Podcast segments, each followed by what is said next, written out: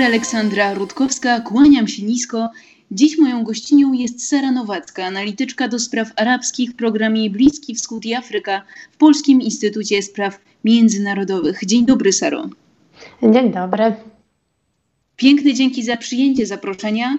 Mm, dziś skupiamy się na Libanie, bo Liban stoi w obliczu jednego z największych kryzysów gospodarczych na świecie od ponad 150 lat. E, może zacznijmy właśnie od tego, jak sytuacja gospodarcza w Libanie wygląda teraz.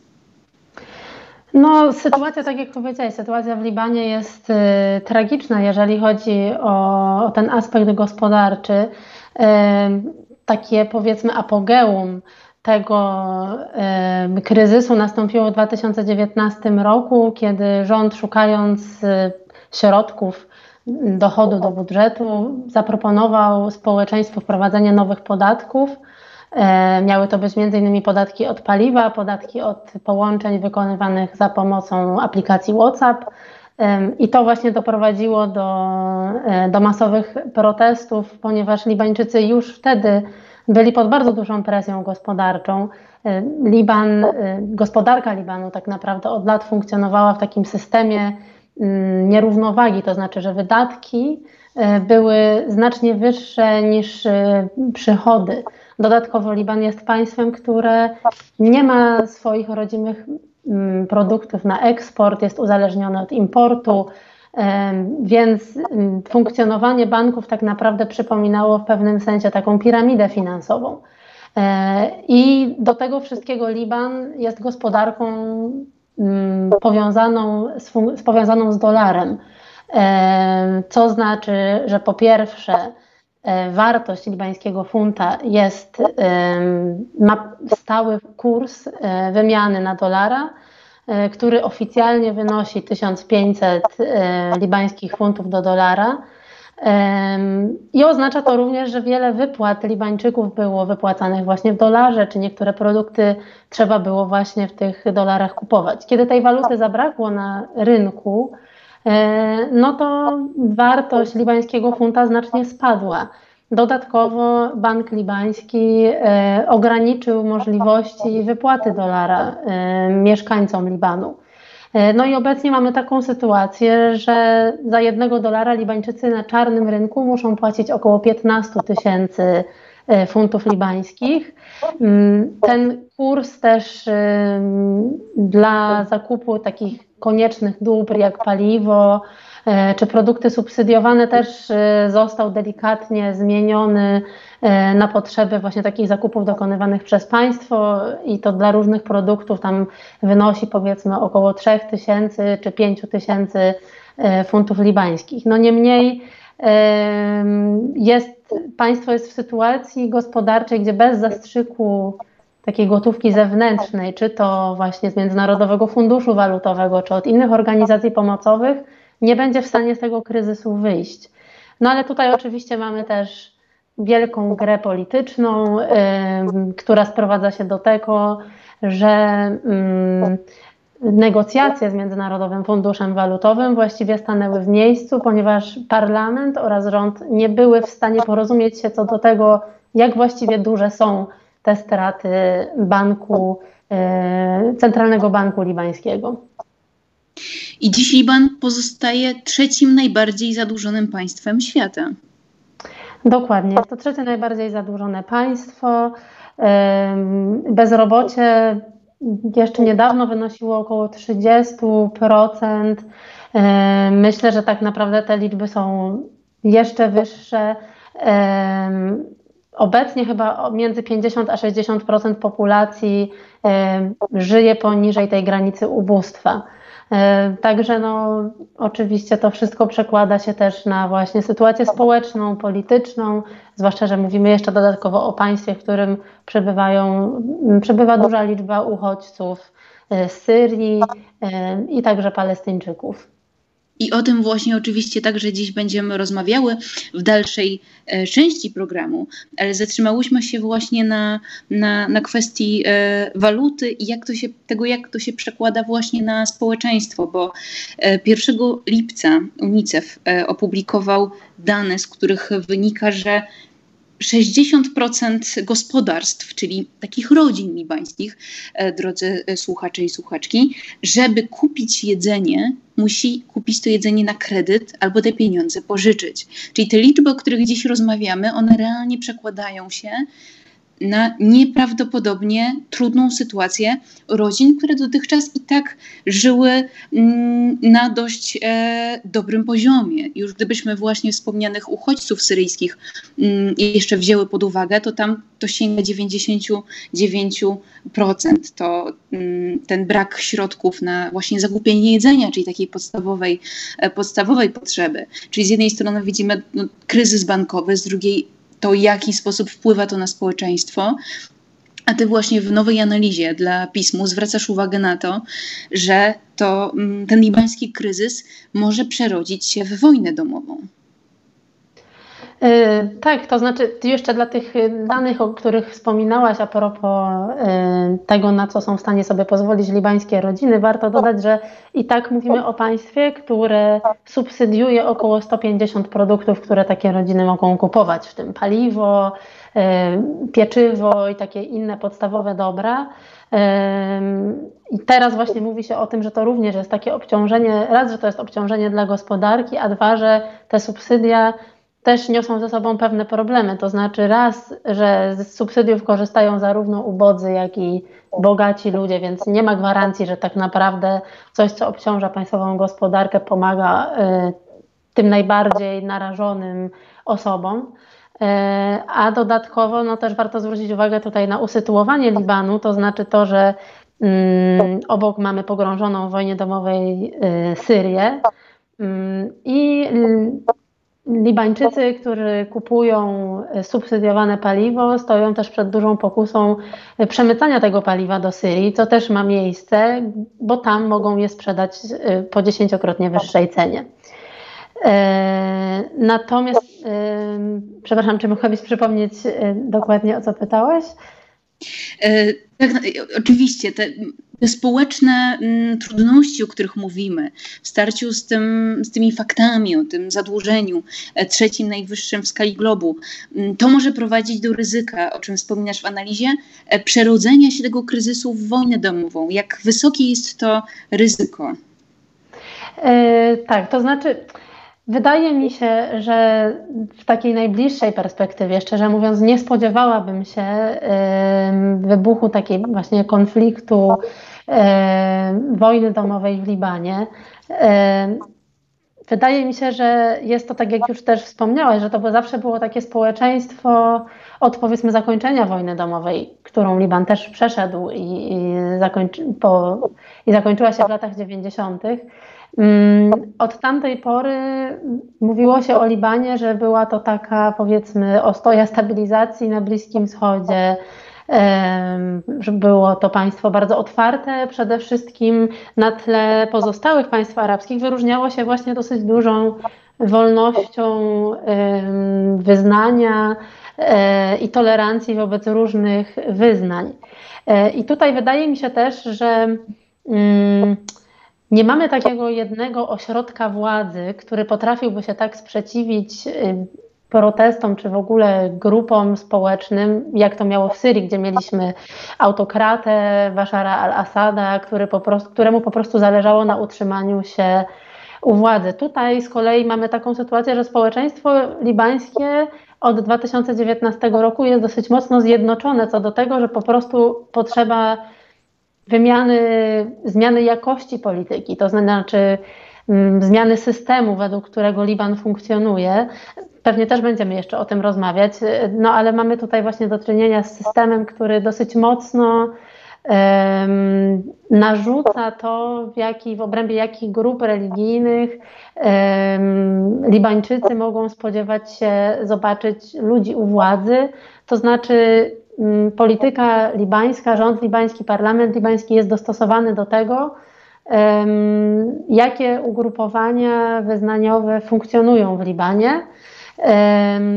I, e, I to powiedzmy, co obecnie budzi dosyć duży sprzeciw społeczny, przez ostatnie lata było też takim, umożliwiało też zachowanie pokoju pomiędzy tymi grupami. Mm, więc wydaje mi się, że mamy duże ryzyko dalszej destabilizacji, y, kryzysu i powiedzmy takiego doprowadzenia do sytuacji podobnej jak w Wenezueli, czyli praktycznie takiego państwa na granicy upadku. Natomiast w najbliższej perspektywie jeszcze nie spodziewałabym się, y, nie spodziewałabym się akurat przerodzenia się w tego w taki prawdziwy konflikt, który, który widzimy w Syrii na przykład to ten niepokój o tym, że Liban stanie się państwem upadłym, e, które coraz częściej słyszymy, oczywiście nie mm, samego, mm, samych takich e, narracji o tym, że ta wojna domowa e, jest za chwilę, że to widmo jest nad nami, jest wciąż jeszcze mało. To ryzyko, tak jak czy, czy, czy państwo mm, na łamach pismu opisujecie, jest wciąż no, trudno mówić o ostateczności, to są wciąż jakieś potencjalne przewidywania. Jestem ciekawa, na ile mm, też ten klucz wyznaniowy, bo tutaj możemy się właśnie na tym chwilę zatrzymać. To jest tak, że prezydentem może zostać chrześcijanin maronita, premier być sunnitą, szef parlamentu szyitą. Jest to e, zawarte w pakcie od lat 40. Na czym w zasadzie ten, e, ten klucz polega i w jaki sposób on wpływa na tę sytuację e, i polityczną, i gospodarczą być może? E, to jest właśnie, tak jak powiedziałaś, tak zwany pakt narodowy, który powstał e, jeszcze chyba nawet w latach 30. i wtedy jego tworzenie było oparte na e, przeprowadzanym wówczas spisie powszechnym, jedynym, jaki kiedykolwiek został w Libanie przeprowadzony.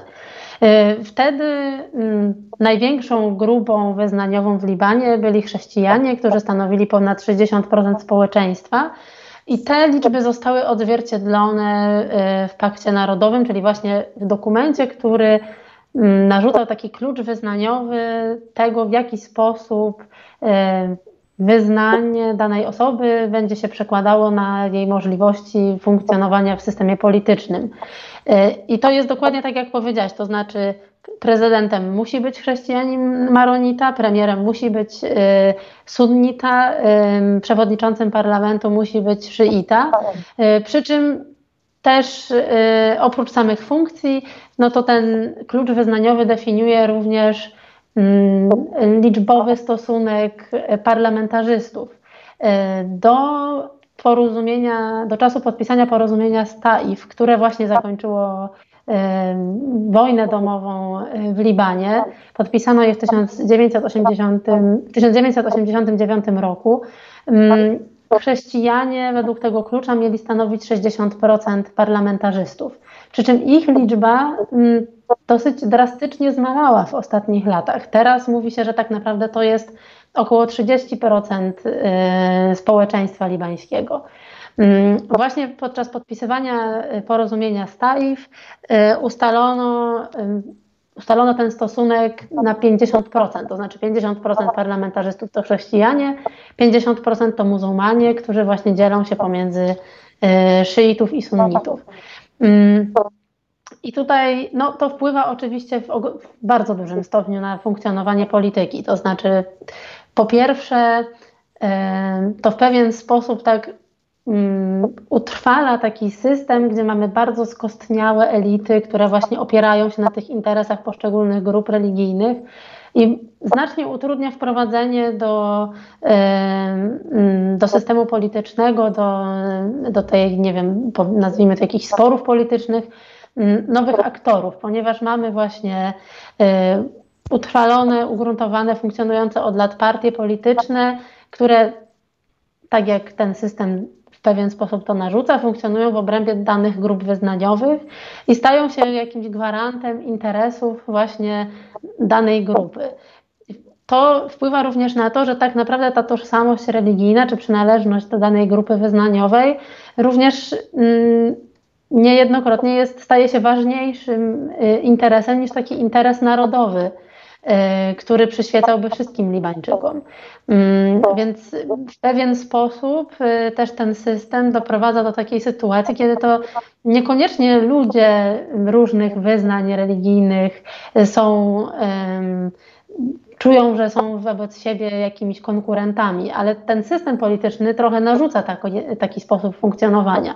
Też y, jakby nie do końca możemy mówić o tym, że jakaś konkretna partia, tak jak u nas, może zdobyć większość w parlamencie, no bo te miejsca w parlamencie są przydzielone konkretnym e, ugrupowaniom religijnym, mm, ale tworzą się koalicje pomiędzy, e, pomiędzy różnymi partiami. Obecnie taką dla wielu, przypuszczam, e, osób, dla wielu Europejczyków może być zaskakującą Y, zaskakujące to, że właśnie taką mm, ważną koalicją mm, obecnie w Libanie jest koalicja partii chrześcijańskiej z partią szyicką, z Hezbollahem. Y, nam tutaj, kiedy nie interesujemy się powiedzmy y, Libanem, mogłoby się to wydawać dosyć, dosyć nieoczekiwane połączenie nieoczywiste. Natomiast no, jest, to, jest to koalicja, która oczywiście nie do końca ma na celu realizowanie jakichś wspólnych interesów związanych z tym, jak, jak można Libanowi pomóc, a raczej właśnie z tym, jak sprawić, żeby interesy partyjne było łatwiej realizować. No i to wszystko właśnie też wpływa na to, że na to, że bardzo trudno Libanowi jest wyjść z kryzysu gospodarczego. Dlaczego? No, dlatego, że większość organizacji pomocowych, e, w tym Unia Europejska, e, zapowiedziały, że owszem, przekażą Libanowi konieczne środki wsparcia, e, natomiast będzie to uzależnione od przeprowadzenia koniecznych reform politycznych, od rozpoczęcia walki z korupcją, z nepotyzmem, z klientelizmem, a te wszystkie zjawiska w pewien sposób są w tym systemie utrwalone.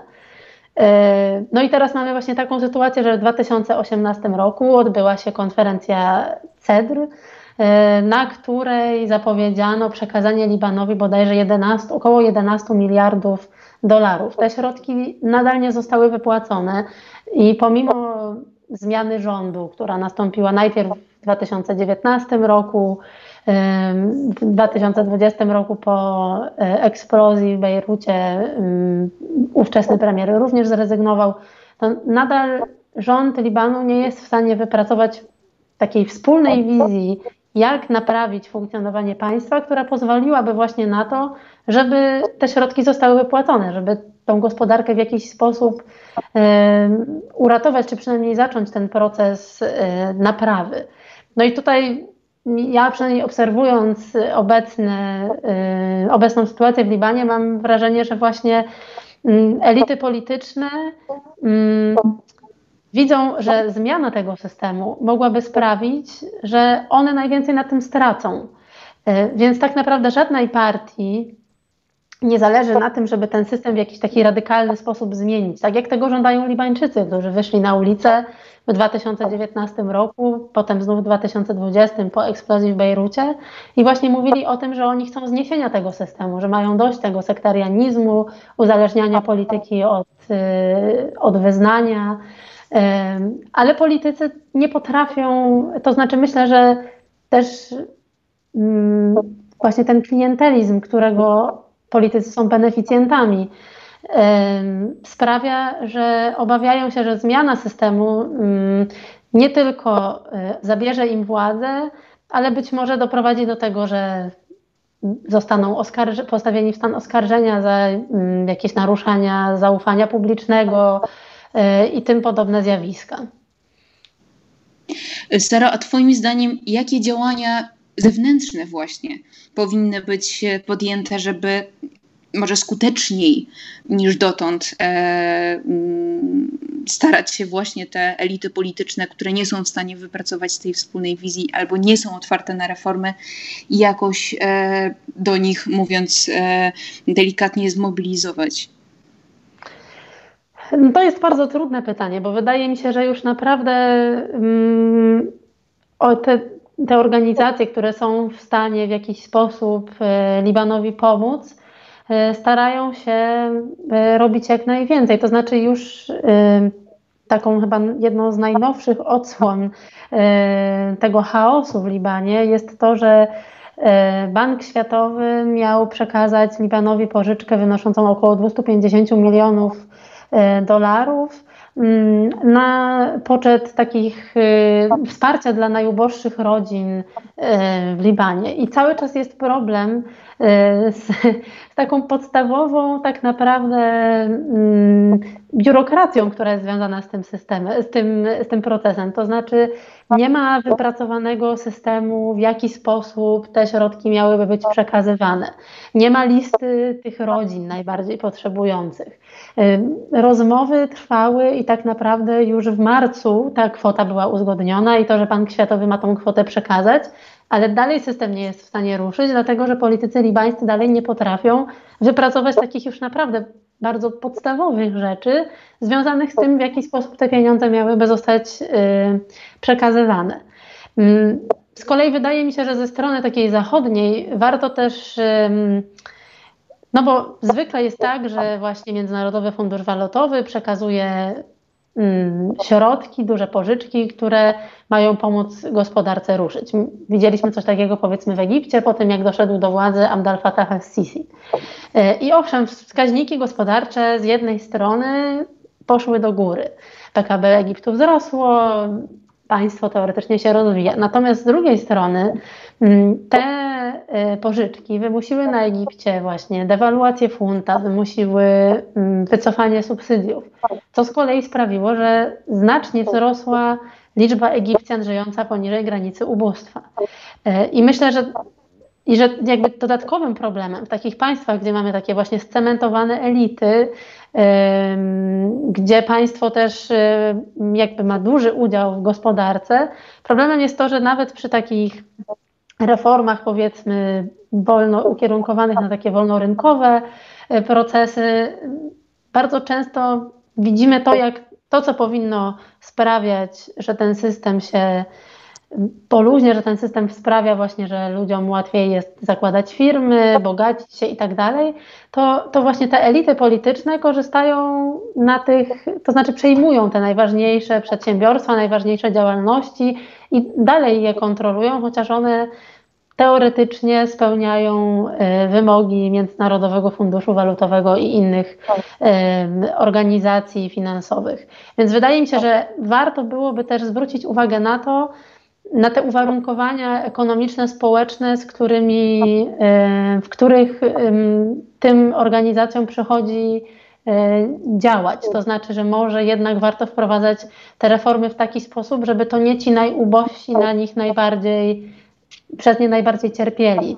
E, czyli właśnie znalezienie sposobu na to, żeby może nie wycofywać subsydiów w 100%, ale znaleźć sposób na to, żeby one trafiały tylko do tych najbardziej potrzebujących, żeby stworzyć im taką powiedzmy coś w rodzaju takiej poduszki powietrznej, tak, takiego zabezpieczenia y, socjalnego, które sprawi, że no, mm, że te reformy nie będą, nie staną się za 10-20 lat takim tak naprawdę mm, zawodem dla większości y, społeczeństwa, które, które może poczuć, że po prostu no, tak naprawdę to oni najwięcej stracili, że teoretycznie ok, dochody państwa może wzrosły i może gospodarka ruszyła, ale tak naprawdę ci, którzy od samego początku są najbardziej przez ten system e, poszkodowani, dalej są w tym samym miejscu.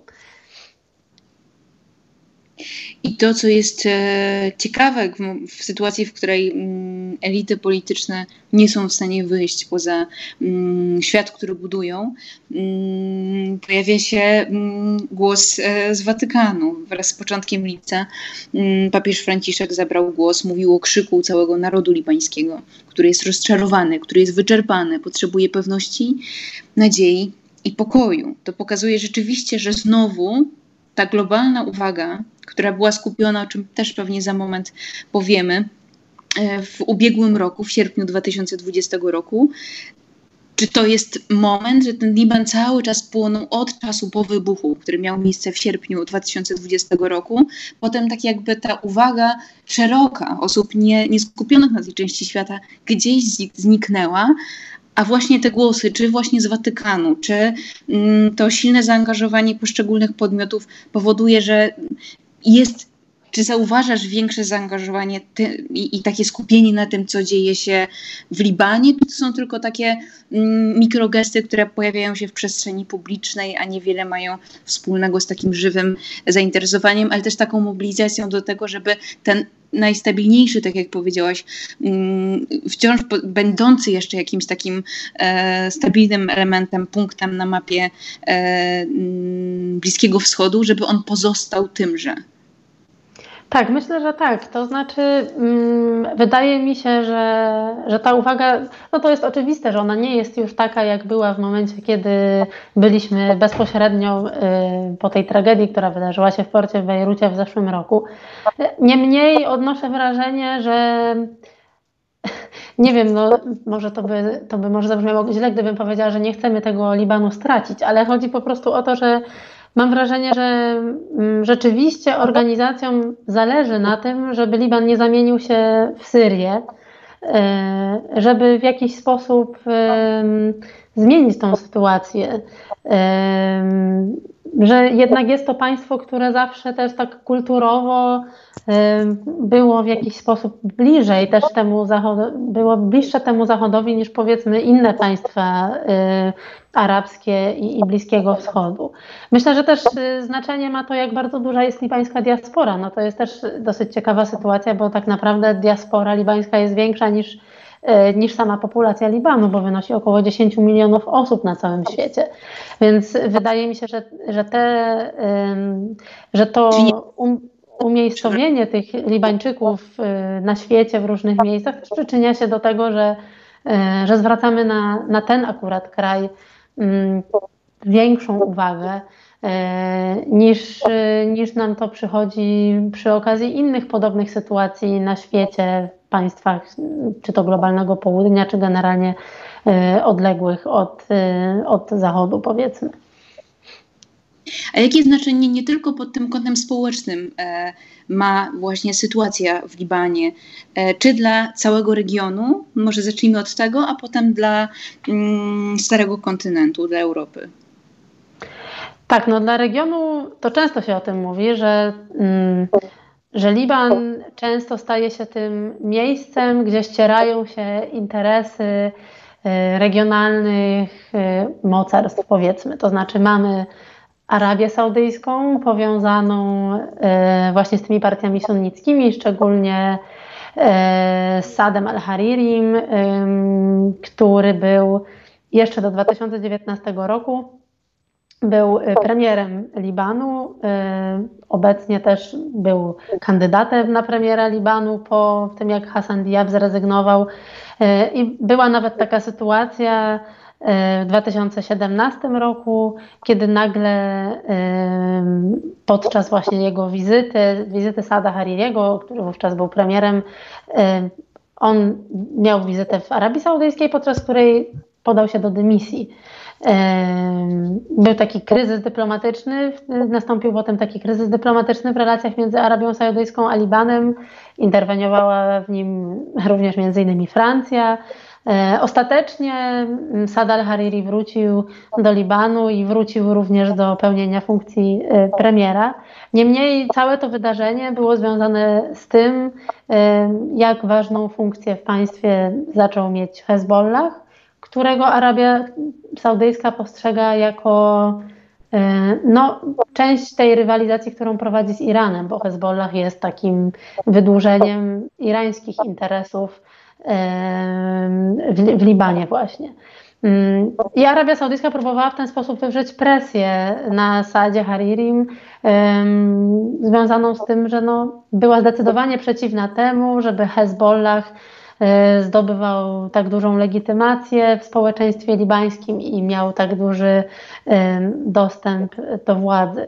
A stał się dzięki również właśnie koalicji z partią chrześcijańską, E, jedną z dom, właściwie dominującą w tej chwili siłą e, w Libanie.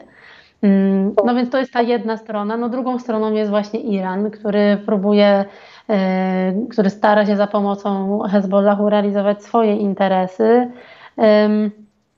Co oczywiście, mm, co w pewien sposób myślę jest o tyle skuteczne, że Hezbollah, podobnie jak Bractwo Muzułmańskie jest taką organizacją, która, która nie tylko jest partią polityczną, nie tylko ma swoje milicje, ale też otwiera szpitale, otwiera szkoły, ma swój własny system pomocy społecznej. Także no, jest to bardzo efektywny system tak naprawdę konsolidowania poparcia dla, nie tylko dla partii, ale również właśnie dla utrzymania dobrych relacji z Iranem. W regionie oczywiście Liban ma też znaczenie właśnie jako państwo, do którego trafiają, trafiają uchodźcy z Syrii, których mieszka w Libanie około półtora miliona. No i to też rodzi pewne problemy w tym sensie, że Oczywiście mm, libańscy politycy często wypowiadają się o uchodźcach z Syrii, jakby to właśnie była jedna z tych przyczyn kryzysu gospodarczego. E, no i z jednej strony możemy powiedzieć, no na pewno e, nie ułatwiło to niczego. To znaczy na pewno jest tak, że tak duża liczba uchodźców, to znaczy mówimy o 6-milionowym e, państwie, do którego nagle przyjeżdża półtora miliona ludzi. Mm, na pewno stanowiło pewne, pewne obciążenie dla gospodarki, żeby tym osobom zapewnić miejsce do życia, pracę, mm, pożywienie itd. Tak e, niemniej innym problemem może być to, że organizacje pomocowe zaczęły też bardzo ukierunkowywać tą swoją pomoc na Syryjczyków, czy na regiony, w których e, ci uchodźcy z Syrii przebywają, natomiast y, troszeczkę bardziej pobocznie traktując Libańczyków, którzy sami ze swoją sytuacją gospodarczą mm, coraz mniej różnili się od tego, w jakiej, w jakiej pozycji, w jakim położeniu znajdowali się Syryjczycy. Mm, więc to także wywołało pewne, no wywołuje do teraz w zasadzie dużo Mm, problemów pomiędzy tymi, tymi dwiema grupami. E, dlatego, że Libańczycy właśnie czują się w pewien sposób e, porzuceni e, przez systemy organizacji pomocowych, które bardziej skupiają się na, na pomocy uchodźcom. Mm.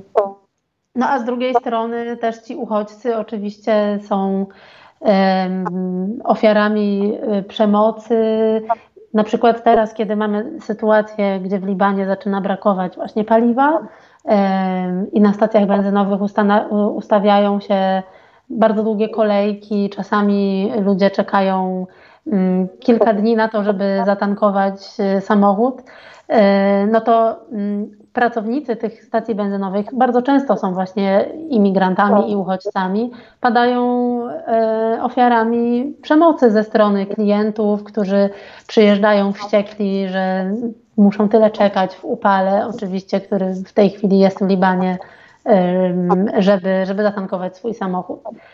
Mm, no i w tym sensie myślę, że jest to też, to znaczy właśnie w tym sensie, że Liban jest tym państwem, które w którym mieszka bardzo wielu uchodźców, to jest też bardzo ważne dla e, Unii Europejskiej, e, która po doświadczeniach z przełomu 2015 i 2016 roku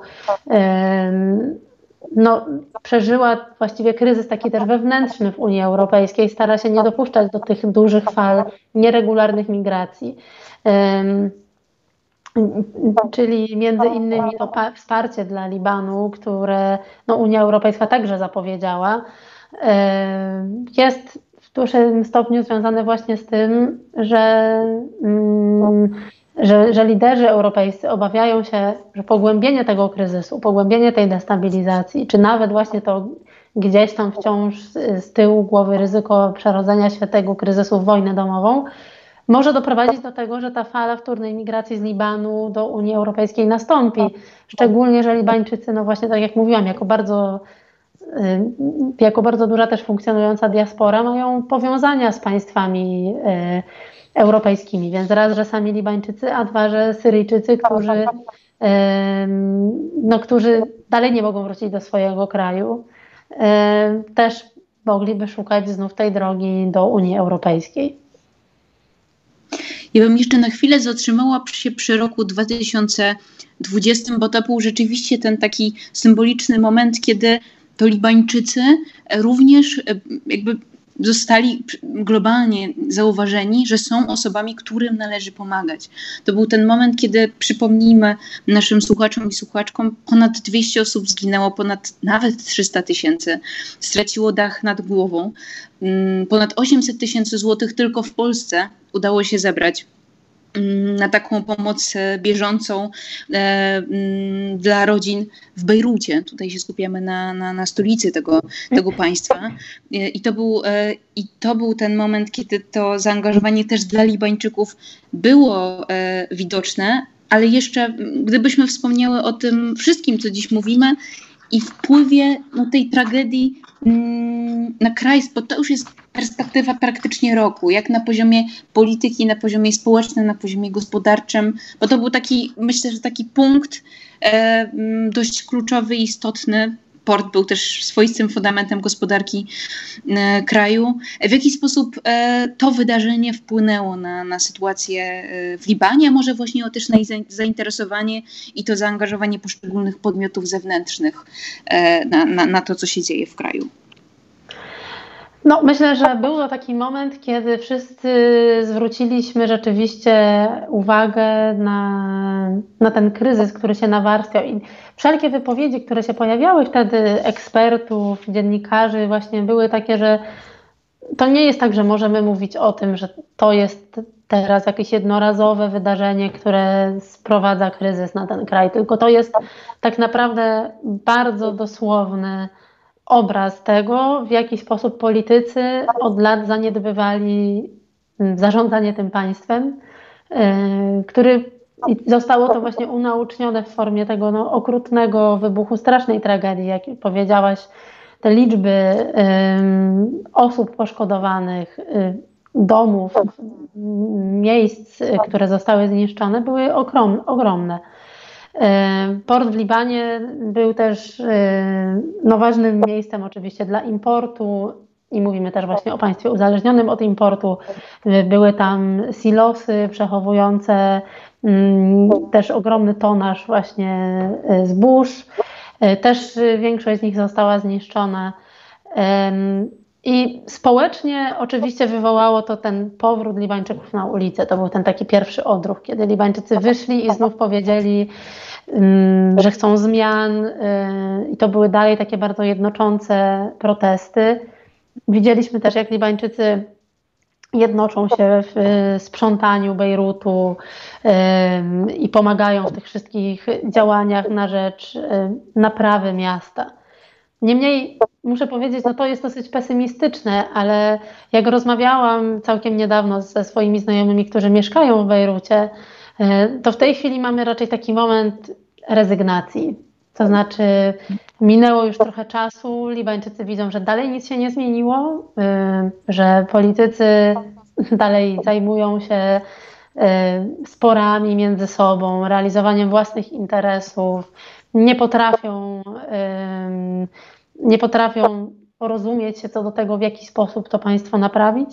Mm, I, I w zasadzie Libańczycy, no już teraz tylko, już teraz w zasadzie te ich nawet jakieś takie pojedyncze zrywy są raczej związane z takimi bardzo dotykalnymi e, zjawiskami, jak właśnie ten brak dostępu do paliwa, coraz wyższe ceny i tak dalej, ale z kolei te protesty nawołujące do tego, żeby zmienić cały system, są już coraz rzadsze mm, i generalnie nastroje społeczne są takie coraz, coraz niższe, coraz bardziej, coraz mniej jest tej motywacji właśnie do zmiany, która pomiędzy powiedzmy 2019 rokiem czy jesienią 2019 roku przez rok, czyli powiedzmy właśnie, że do jesieni zeszłego roku było, była dosyć wysoka.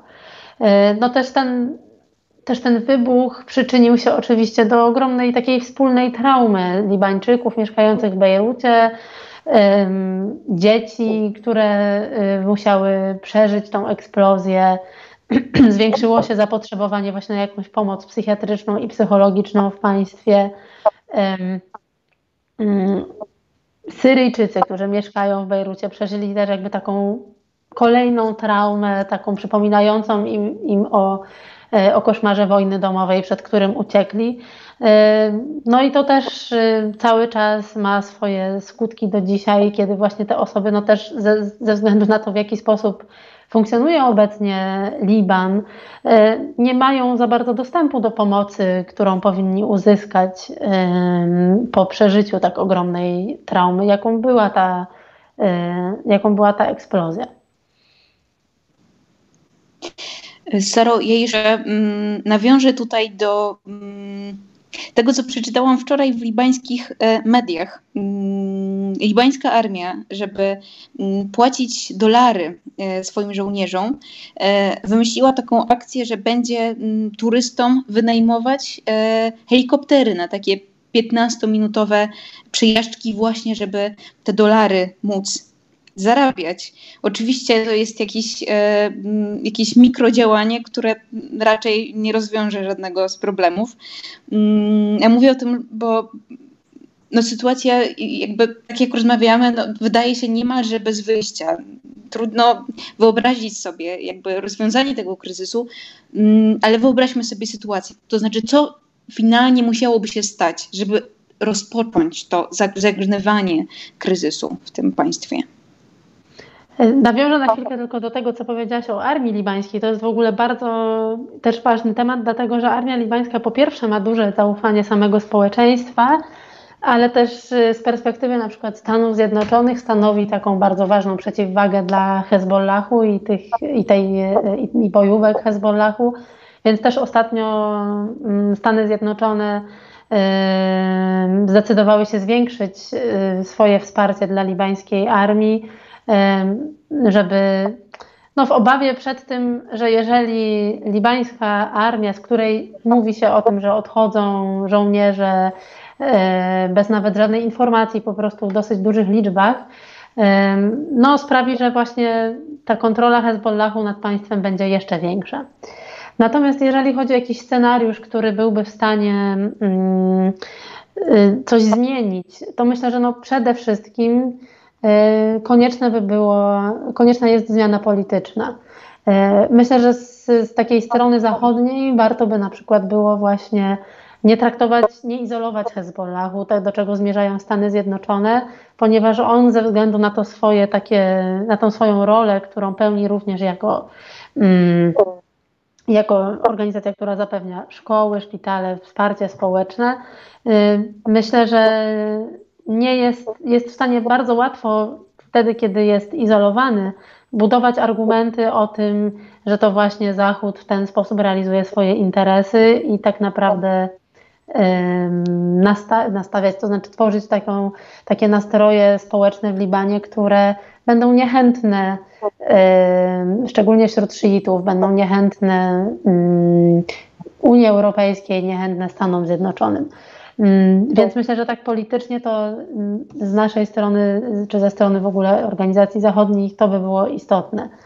Mm, na pewno ważne jest to, żeby nie rezygnować z tego, żeby pomoc finansowa była rzeczywiście uzależniona od tych reform politycznych, bo w każdy inny sposób finanse, które trafiłyby do Libanu, prawdopodobnie skończyłyby właśnie w rękach tych stementowanych elit które, no, które kontrolują to, co dzieje się w państwie i które raczej nie dopuszczają do tego, żeby, żeby tą władzą się w jakiś sposób dzielić z, z nowymi y, aktorami życia takiego politycznego, które, które tworzą się na przykład w czasie właśnie takich ruchów protest, protestacyjnych, masowych. Myślę, że mm, ważne jest też to, co. To znaczy, myślę, że bardzo ważne jest też to, żeby społeczeństwo było tego świadome, że tak będzie. To znaczy, jeżeli te reformy zostaną wprowadzone, to na pewno nie będzie tak, że Libańczykom będzie się od razu żyło lepiej. To znaczy, na pewno społeczeństwo w efekcie reform, które miałyby jakoś właśnie rezygnować powoli z subsydiów, które miałyby zmienić gospodarkę, y, to na pewno nie, nie stałoby się tak, że, mm, że ta sytuacja, y, warunki życia społeczeństwa od razu by y, się poprawiły. Więc to, co jest ważne, to też jest jakieś takie przygotowanie Libańczyków na, mm, na to, że ten proces y, będzie trwał i nie przyniesie od razu efektów. No, tak jak zresztą, nawet jak, jak my doświadczaliśmy w czasie transformacji, to jednak zawsze wszystko idzie z jakąś taką ofiarą społeczeństwa. Natomiast konieczne jest tworzenie takiej poduszki, która pomoże e, tym najbardziej poszkodowanym, najbardziej narażonym mm, czasie, kiedy właśnie mm, reformy gospodarcze będą jakby pogłębiać, czy będą narażały ich na coraz, na jeszcze głębsze e, problemy ekonomiczne długa, e, trudna droga mm, Libanu. E, ja też Państwa słuchaczy i słuchaczki zapraszam do przeczytania pełnej analizy, mm, w której możemy mniej więcej przeczytać też o wątku polskim, którego dziś już nie zdążymy w naszej rozmowie poruszyć, który może mieć znaczenie w mediacjach zagranicznych, więc z przyjemnością odsyłam do, do tekstu Sary Nowackiej, naszej dzisiejszej gościny, gościni, analityczki do spraw arabskich w programie Bliski Wschód i Afryka w Polskim Instytucie Spraw Międzynarodowych. Saro, przepięknie dziękuję za to spotkanie. I ja bardzo Ci dziękuję. Wspieraj niezależne Halo Radio, które mówi wszystko. www.halo.radio ukośnik SOS. Dziękujemy.